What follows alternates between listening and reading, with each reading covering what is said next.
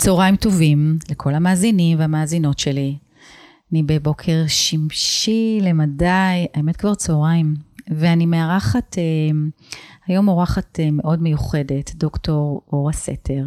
היא הייתה מנכ"לית של להב, אה, בית ספר לניהול, ויו"ר של פאי, ויו"ר בית ספר לבודהיזם, והיא מרצה ומלמדת ומנחה וציירת, והיא יזמת, והיא הרבה גם וגם, וברוכה הבאה.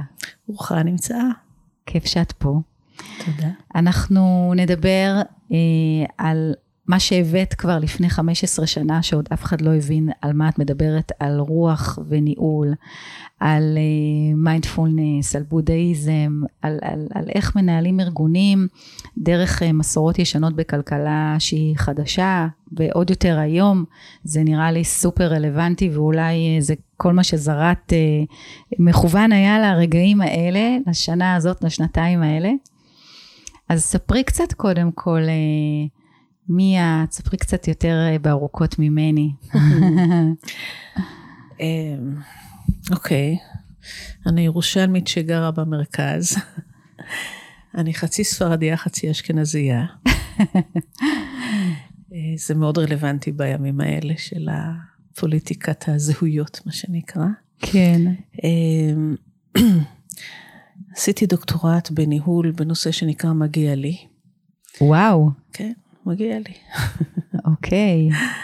אמ, במשך הרבה שנים היה לי צד מאוד מאוד אה, רציונלי, פרקטי, עבודה גם אקדמית וגם בתור יועצת, מצד אחד, ומצד שני, אה, איזה צד רוחני שהיה די נסתר, שהוא לא בהכרח צד מיסטי, אלא צד שמחפש את הרוח, לאן נושבת הרוח. מה זה אומר אז בזמנו, כשאת ככה אומרת זה חבוי? אני חושבת הרבה, הרבה חיפושים אחרי משהו שהוא גם תואם את הערכים שאני היום חושבת שהם ערכים, מה שנקרא פרניאליים, ערכים שהם משותפים לכל המסורות הרוחניות. אבל אני חושבת שאני פשוט עברתי דרך הרבה מסורות רוחניות כדי לראות מה, עם מה אני מתחברת ועם מה פחות. מה זה הערכים האלה? אני, אני אגיד לך אולי okay. מה אוקיי. זה ההגדרה של, ה, מה ההגדרה שאני גיליתי אותה במחקר כן. של הרוחניות שיכולה לעזור.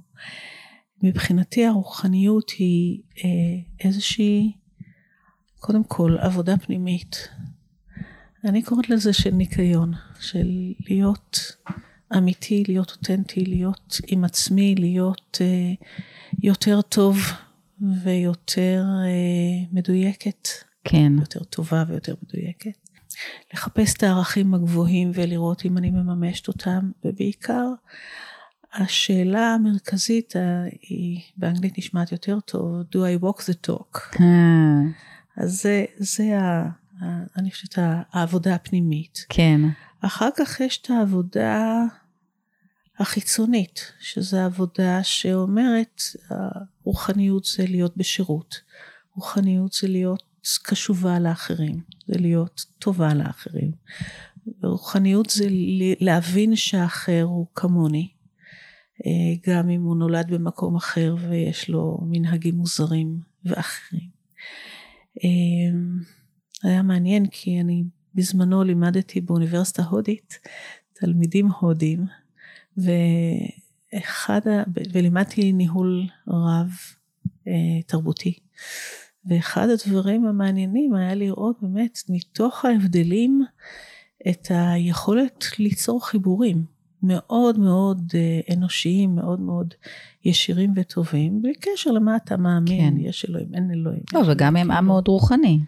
הם עם שקורא לעצמו מאוד רוחני, כן. קורא לעצמו. אה, אז זה, זה כאילו המימד השני, זה איך אתה מתייחס okay. אוקיי. לאחרים. ואני חושבת שעכשיו ממש בימים האלה של המלחמה באוקראינה, אנחנו יכולים לראות שיש המון אנשים שעושים עבודה רוחנית למרות שהם לא קוראים לזה כך. כן. כל התמיכה וכל העזרה לפליטים, ויש כאלה שלא. אני אוהבת את ההגדרה הזאת של שירות וקשיבות. כן. ואז היכולת להקשיב למקום שהשני באמת נמצא. אה, להקשיב ממקום שהוא לא רק לא שיפוטי, אלא באמת... אה, מכבד? יותר מזה, רואה את הגרעין שיש בכל, mm. שיש באחר, רואה את הפוטנציאל, רואה מה, מה הוא באמת. כן. אוקיי? זה, זה סוג של הקשבה מאוד מאוד עמוקה, ואני חושבת שהיא גם הקשבה ניהולית נורא נורא חשובה, אני חושבת שזה אולי אחת ההגדרות הכי משמעותיות למנהיגות קשובה, זה הקשבה. כן. הקשבה עמוקה. או הקשבה ריקה, אני הרבה פעמים קוראת לזה בעקבות אוטו שרמר, שאחד המורים שלי. הקשבה ריקה כי היא הקשבה בלי דעות ואולי אפילו בלי רגשות קודמים, אלא פשוט להיות ולראות לאן זה לוקח. כן. אה, זהו, המימד השלישי זה מימד, נקרא לו למעלה, טרנסצנדנטלי. זאת אומרת, כאן, האם יש משהו שהוא גדול מאיתנו? ואני חושבת שכאן איש באמונתו יחיה. נכון. אה, אבל החוויה שלי של משהו שהוא גדול ממני, משהו שרחב ממני, משהו שלידו אני, אה, ש, שגם אותו אני משרתת.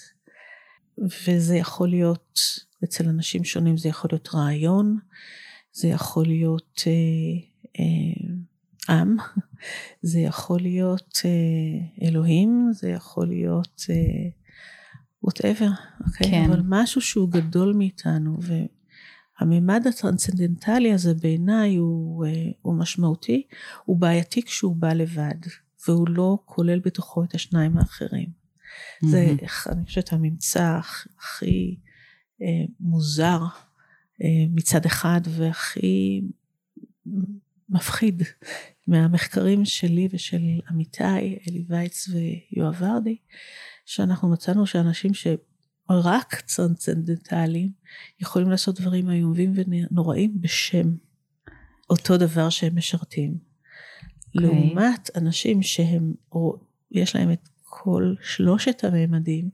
שתמיד יאזנו בין השלושה. ואז אה, הנושא של בין אדם לחברו לא פחות חשוב מאשר בין אדם למקום. כן. אז אה, ככה, זה, זה מבחינתי המקום של, ה, של הרוח. וכשאני מסתכלת על זה כך, אז ארגונים הם בדיוק, בדיוק נמצאים במקום הזה. וכשאני באה לארגון, אני רוצה לראות מאיפה העצומות שמגיעות אליו, ומה התהליכים שקורים בו, ומה התפוקות שהוא מייצר, ולאן זה הולך. ואני מוצאת ששוב, הרבה מאוד ארגונים פועלים בשלושת הרמות האלה. כשאני מסתכלת החוצה, אני מסתכלת לא רק על אנשים, אני מסתכלת גם על הסביבה. כן. כל הנושא של קיימות, של, של טיפוח הסביבה לעומת אה, השתלטות על הסביבה, כמו טיפוח אנשים לעומת השתלטות על אנשים אחרים. אה, אז זה, זה, זה מבחינתי הסתכלות על ארגון, בלי שאנשים עצמם מרג... מגדירים את הארגון שלהם כרוחני, ולפעמים להפך.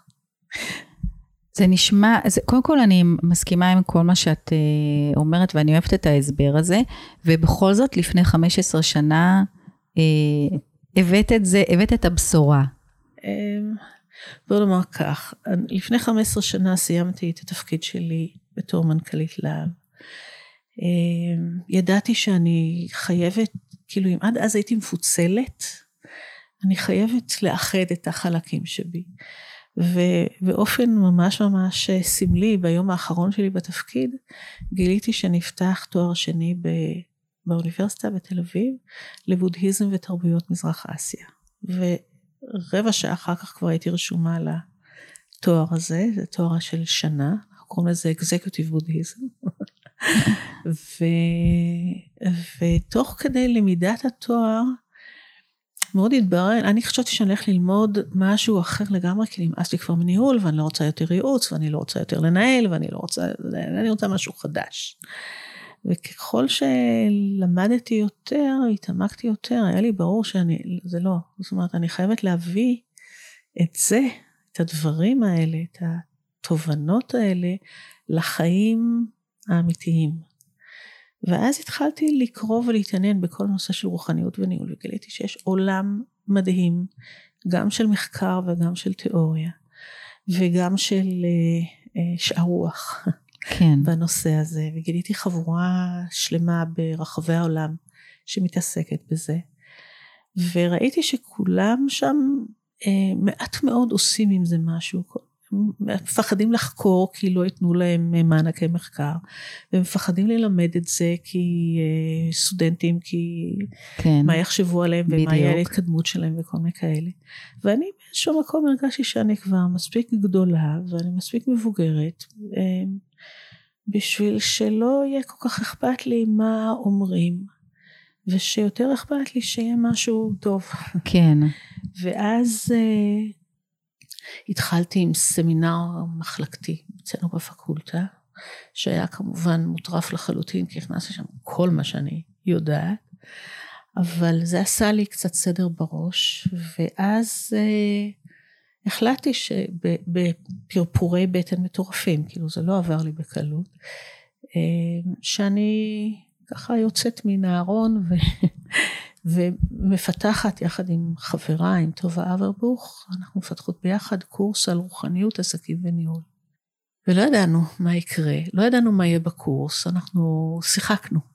החלטנו שאנחנו משחקות עם זה.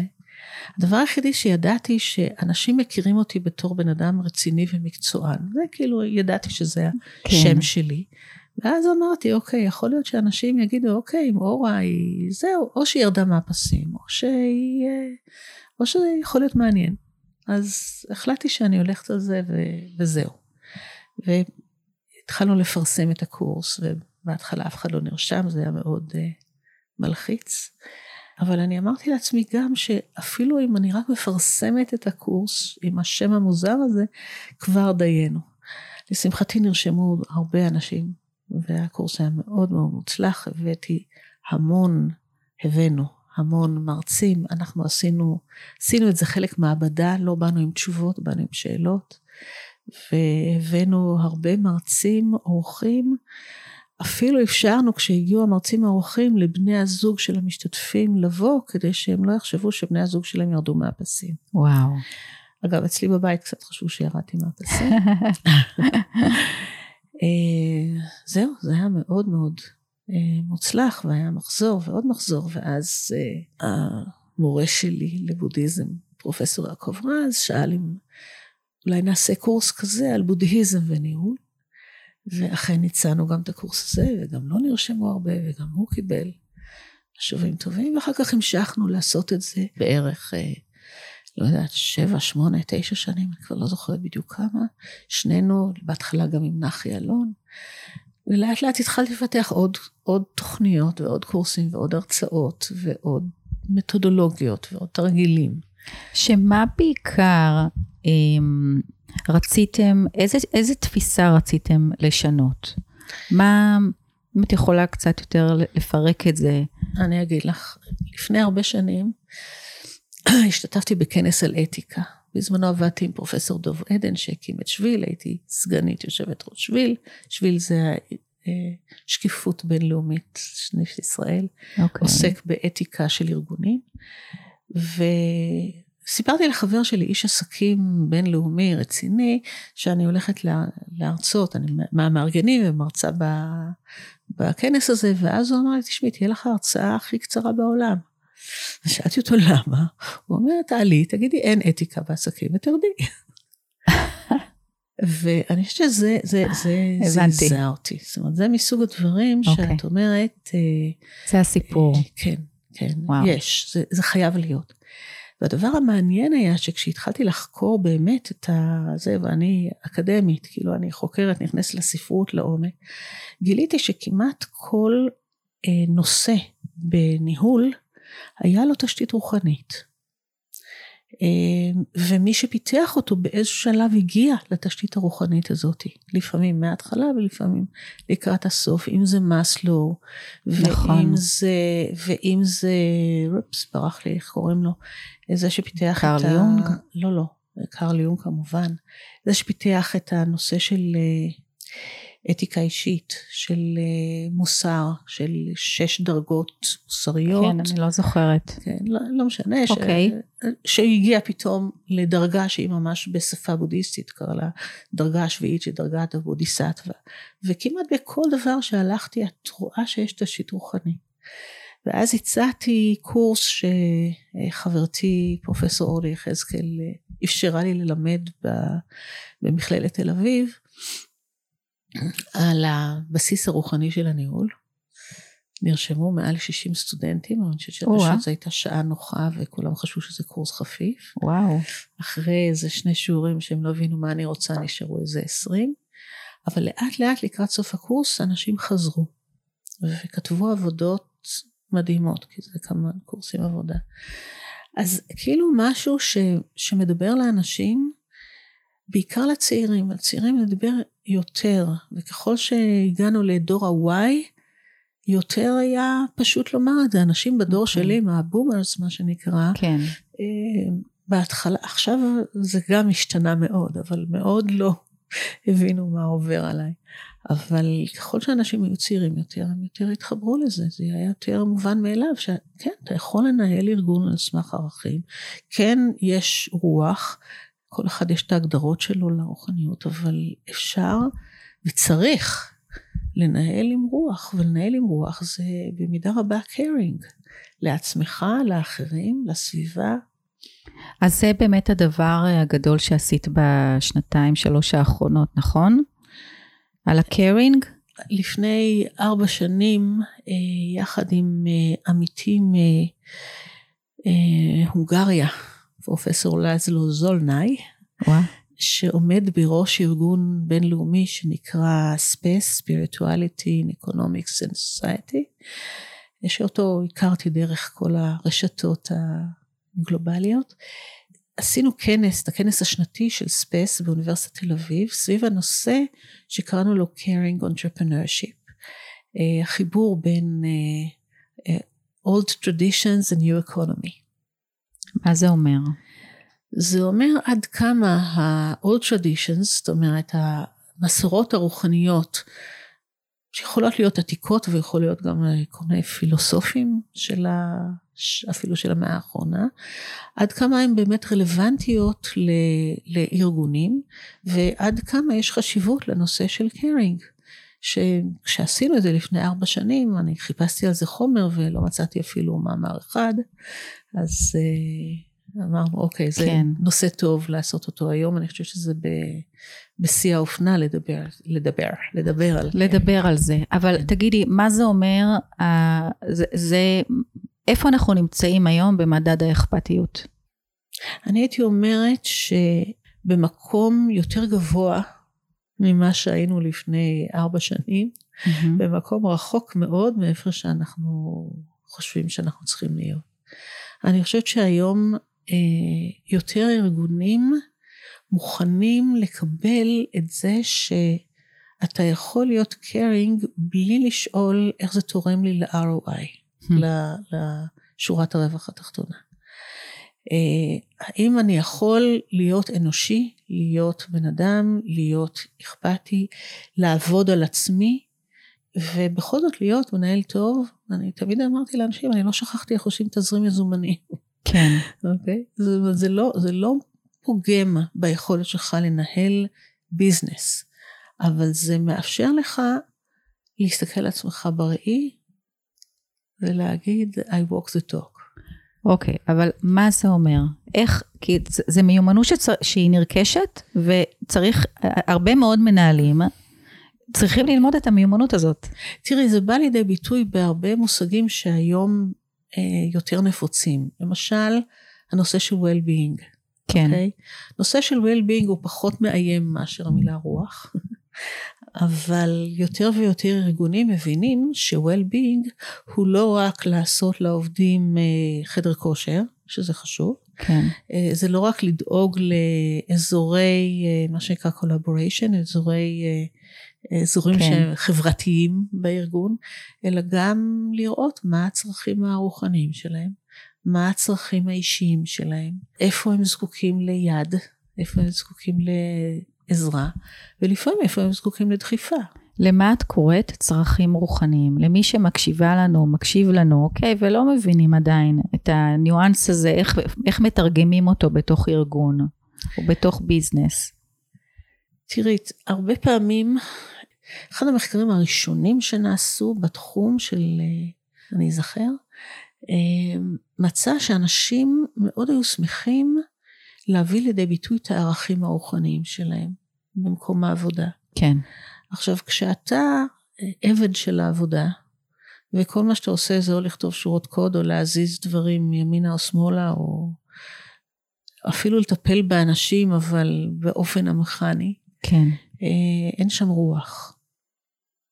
ומדד הרוח, מדד האכפתיות, זה כשאת אה, יכולה לתת לאנשים, אני רואה כאן כתוב, מטרת החיים היא חיים עם מטרה. ליישם את, ה, את הייעוד שלהם, ליישם את המטרות שלהם, ליישם את הערכים שלהם, הגבוהים, ולראות שרואים אותם. ואני חושבת שזה אחד הדברים הכי הכי משמעותיים. אגב, בדוקטורט שלי, כששאלתי מה מגיע לך, הדבר הראשון שאנשים אמרו זה שהתייחסו אליי. התייחסו אליי בנימוס. I see you. I see you. I hear you. You matter. כן. mattering, אוקיי? Okay? אז המקום הזה בעיניי, גם אם אני הולך לפטר אותך, you matter. גם אם אני, לא יודעת מה עשית, איזה כן. טעות נוראית, you matter. כאילו המקום, עוד פעם, של ההקשבה. המקום שבו מעניין אותי, מה חשוב לך? מעניין אותי לאן אתה רוצה להגיע, מה אתה רוצה לעשות עם החיים שלך, ואני אעזור לך, גם אם כרגע זה נראה שזה לא מתאים לארגון. כן. אוקיי? זאת אומרת, יש משהו ב, במקום הזה שאתה בא עם אכפתיות לאנשים, יש מאוד משמעות, באמת באמת, לכל מה שקשור לסביבה, אנחנו פשוט... היום היה בעיתונים על זה שהמצב הרבה יותר גרוע ממה שחשבנו, ושלא רק לנכדים שלנו, גם לילדים שלנו כבר לא יהיה עולם אה, כמו שלנו היה. It matters, כן. מה אנחנו עושים. כל האקוסיסטם הוא חשוב, ושיש הקשבה, ואנחנו לומדים לפתח את ההקשבה, כן.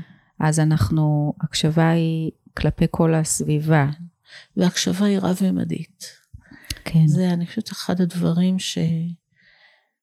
יש הרבה תרגילים כאלה של הקשבה, ואחד התרגילים המשעשעים זה להקשיב בלי להגיב. Mm.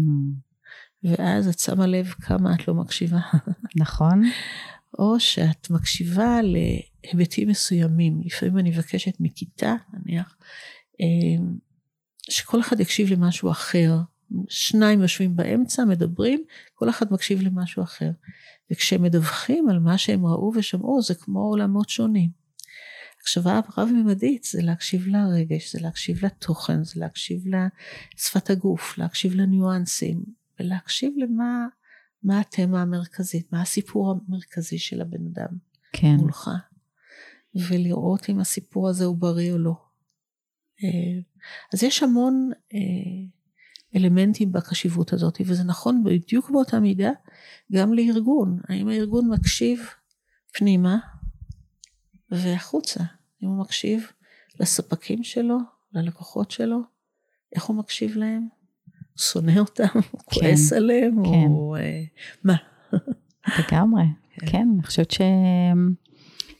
שזיקקת את זה מאוד נכון, כל נושא של ההקשבה והרב-ממדיות, ובאמת שאני חושבת שכל מי שמקשיבה, מקשיב לנו עכשיו, אמ, ולא רק שומע, יכול לקחת ולהתנסות בתרגיל הזה. אני הרבה פעמים אה, יושבת בבית קפה, ואני מסתכלת על שפת הגוף של האנשים סביבי, על מה, כמה באמת הקשבה, ובפרט היום שיש לנו כל כך הרבה משחיתי uh, זמן וקשב, וכל מיני הסחות כאלה של טקטוקים על uh, פתאום הודעה נכנסת, או פתאום האור uh, דולק שנכנס שיחה. כן. כמה אנחנו מאבדות את, ה, את הקשב בתוך המרחב. כן, הקשב שלנו זה היום אחת הבעיות הכי גדולות שלנו, ואני חושבת ש... עבודה ותרגול של קשב, כן. הם מיומנויות הכרחיות ב- לדור הזה ובתקופה הזאת, זה ממש הכרחי. זה לא nice to have.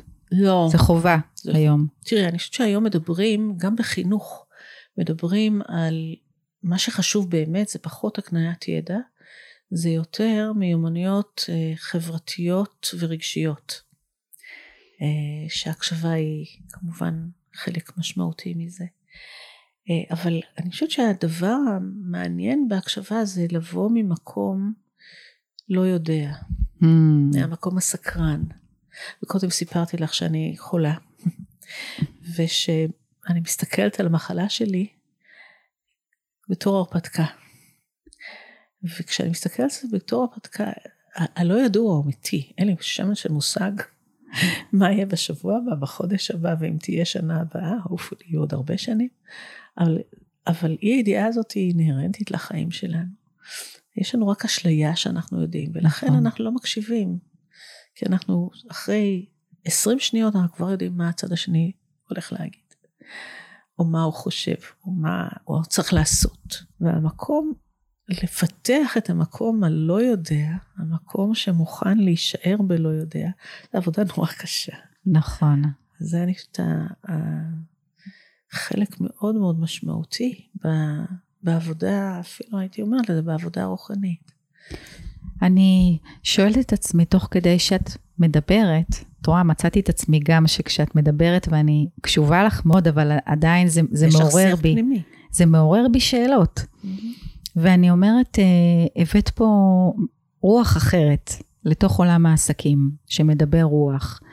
ואני בטוחה שבדרך היו הרבה מאוד התנגדויות והרבה מאוד אה, צחקוקים או ציניות או... פחות ממה שחשבתי, יכול להיות שזה לא... עוד פעם, אני חושבת שבאיזשהו מקום, אה, כן, היו כמה שלא, ממש לא הבינו מה עובר עליי, אבל אני חושבת ש... מול הפחד הראשוני שלי, שאני אאבד את... אה, כן. כי היו, היו בהיסטוריה, את יודעת, אליזבת קובלי רוס שהתחילה לדבר על אה, מה שקורה, היא איבדה את מקומה. היא איבדה את כל הכבוד שרחשו לה, כן? שזה היה איום ונורא. אז לא, אני הופתעתי, אני לא, אני לא... אה... את חושבת שזה בזכות זה שכמו שאמרת, הגעתי לזה כבר בטוחה שאנשים יודעים מי אני? שה... במידה היה... מסוימת, אבל אוקיי. לא רק. אני חושבת שגם בגלל שאני מייצגת אה, סוג של רוחניות, אני אקרא לה רציונלית. Mm-hmm. אה, לא משנה מה האמונות הפנימיות שלי, אני לא אדבר איתך על, על גלגול נשמות. אני אדבר איתך על קרמה פה, בחיים האלה. כן. ואיך המעשים שלך תורמים. סיבה ותוצאה. כן. אני לא, אני לא אנסה לשנות את האמונות שלך, אם יש לך, או את החילוניות שלך, אה, אבל אני חושבת שזה מה שאני אהבתי בבודהיזם. הוא כל כך רציונלי, הוא כל כך הגיוני. והבודה אמר דבר נורא נורא מעניין. זאת אומרת, יש איזה סיפור שמישהו בא אליו ואמר, תגיד, יש חיים אחרי המוות, והאם יש זה, והאם יש ההוא, והוא אמר לו, תאר לך שנתקע בך חץ מורעל. האם אתה תשאל מאיפה נורא החץ ומי ירה אותו ומה היה המרחק ומה היה הקוטר ומה היה זה, או שאתה תטפל ברעל. אז כאילו, אני, החיים שלנו באמת במידה רבה מורעלים על ידי תפיסות שגויות, על ידי נכון. באמת סיפורים הזויים שאנחנו מספרים לעצמנו. רובנו דואגים על ריק. 99% מהדברים שאנו דואגים להם לא מתממשים. נכון. יש, יש לפעמים מתממשים, אבל כן. רובם לא. ממש הרבה רעל מסתובב במערכת, אז כאילו אני, אני לא אכפת לי כרגע, אני לא רוצה לדבר על הדברים שהם כן. ממש מעבר, האם הם קיימים.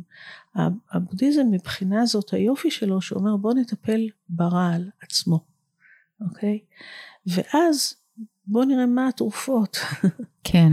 ואני חושבת שזה ה, אה, זה, זה הרציונליות, היא מדברת לאנשים רציונליים, והיא מדברת גם לאנשים שיש להם אמונות. כן. לא משנה, כי באים ללמוד, אני הייתי יושבת ראש של בית ספר לפסיכולוגיה בודהיסטית, באו ללמוד שם גם,